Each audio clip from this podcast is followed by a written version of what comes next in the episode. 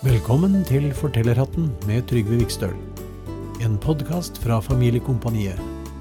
Her får du fortellinger fra Bibelen og andre fortellinger som passer for barn. Visste du at i eventyrene så kan dyrene snakke sammen og forstå hverandre på julaften? Det er omtrent som i den herre boka som jeg har funnet fram her. Fortellingen om de tre kamelene den første julenatt. Vi feirer jo jul fordi Jesus ble født i Betlehem. Og så kom det mange på besøk i stallen. Noen av dem kom langt bortifra. Vise menn ridende på kameler. Men det er bare i fortellingen min at kamelene kan snakke sammen. Bare hør her.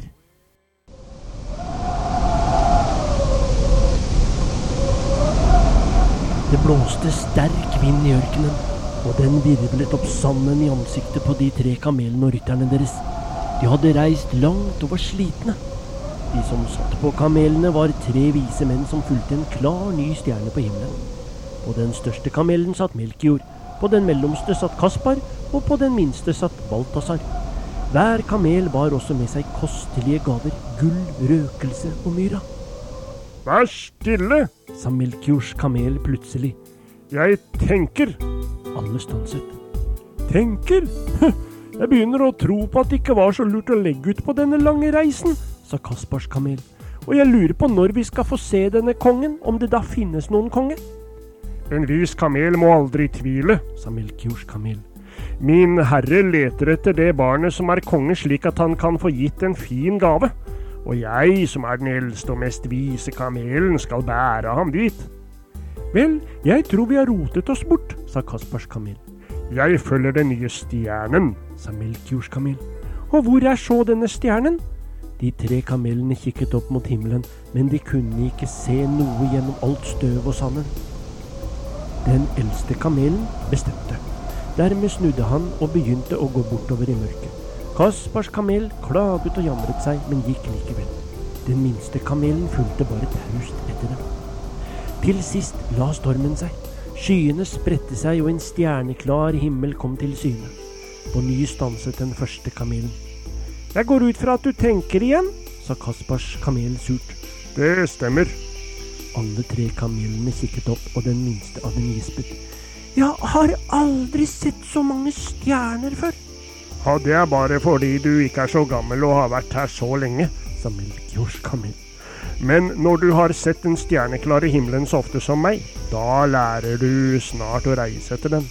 Jeg kan lese stjernehimmelen like godt som et kart. Hvis det er så enkelt, hvorfor setter du ikke i gang, da? klaget Kaspars kamel. Jeg for min del har bare lyst til å finne denne kongen, så kan vi dra hjem igjen. En skygge under et palmetre og et koselig vannhull, det ville passe meg fint. Den minste kamelen sa ikke noe i det hele tatt, men lengtet etter vann, skygge og en lang hvil. Dette var hans første lange reise i ørkenen. Den tredje dagen begynte Melkjords kamel å gå saktere og saktere. Vet du hva? spurte Kaspars kamel og kikket seg omkring. Her har vi vært før. Tull, sa Melkjords kamel. Jeg kjenner igjen åsen der borte, vi går i ring, sa Kaspars kamel. Han stanset, og det gjorde den minste kamelen også. Du har rett, innrømmet Melkejordskamel ulykkelig. Vi går i ring. Kaspars kamel ble rasende. Du er meg en fin leder, sa han. Kom deg unna, jeg tar ledelsen nå. De andre fulgte han nå. Nattehimmelen var sort som blekk og overstrødd med flere tusen stjerner. Se, sa Kaspars kamel. Jeg hadde rett, der er stjernen, nå finner vi snart den nyfødte kongen. Den minste kamelen sa ikke noe da de fortsatte, men da han gikk, tenkte han at den klareste stjernen faktisk ikke lå foran dem, men bak dem. Etter ett døgn til kom kamelene og rytterne deres til en liten by. Her er det, sa Kaspars kamel. Tankefulle steg rytterne ned fra kamelene for å lete etter mat og et sted å hvile, og de så etter den lille kongen.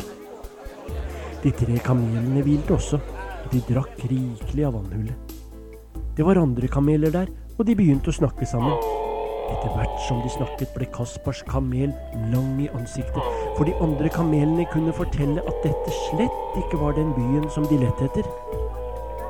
Men jeg har jo fulgt den nye stjernen, sa Kaspars kamel. Beklager, men du har fulgt en gammel stjerne, sa de andre. De tre vise mennene kom tilbake, og de to eldste kamelene kikket på den minste. Nå er det opp til deg, sa de.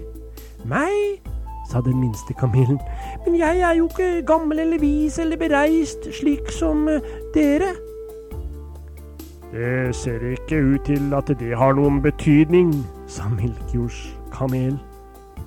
Du store min, tenkte den minste kamelen. Jeg vet ikke hvilken stjerne som er den riktige, men jeg har lyst til å finne den lille kongen. Min herres gave er ikke like verdifull som gull og røkelse.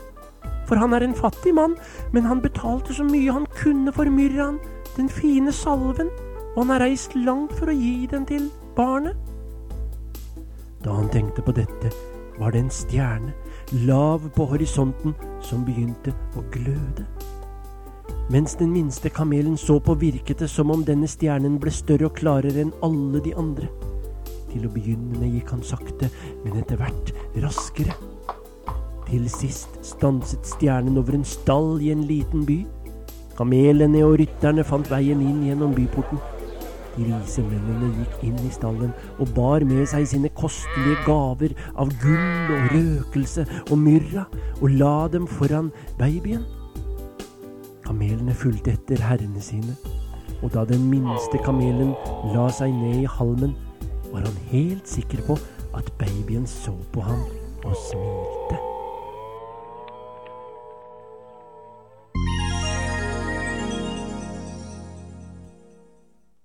Da var det slutt for denne gang.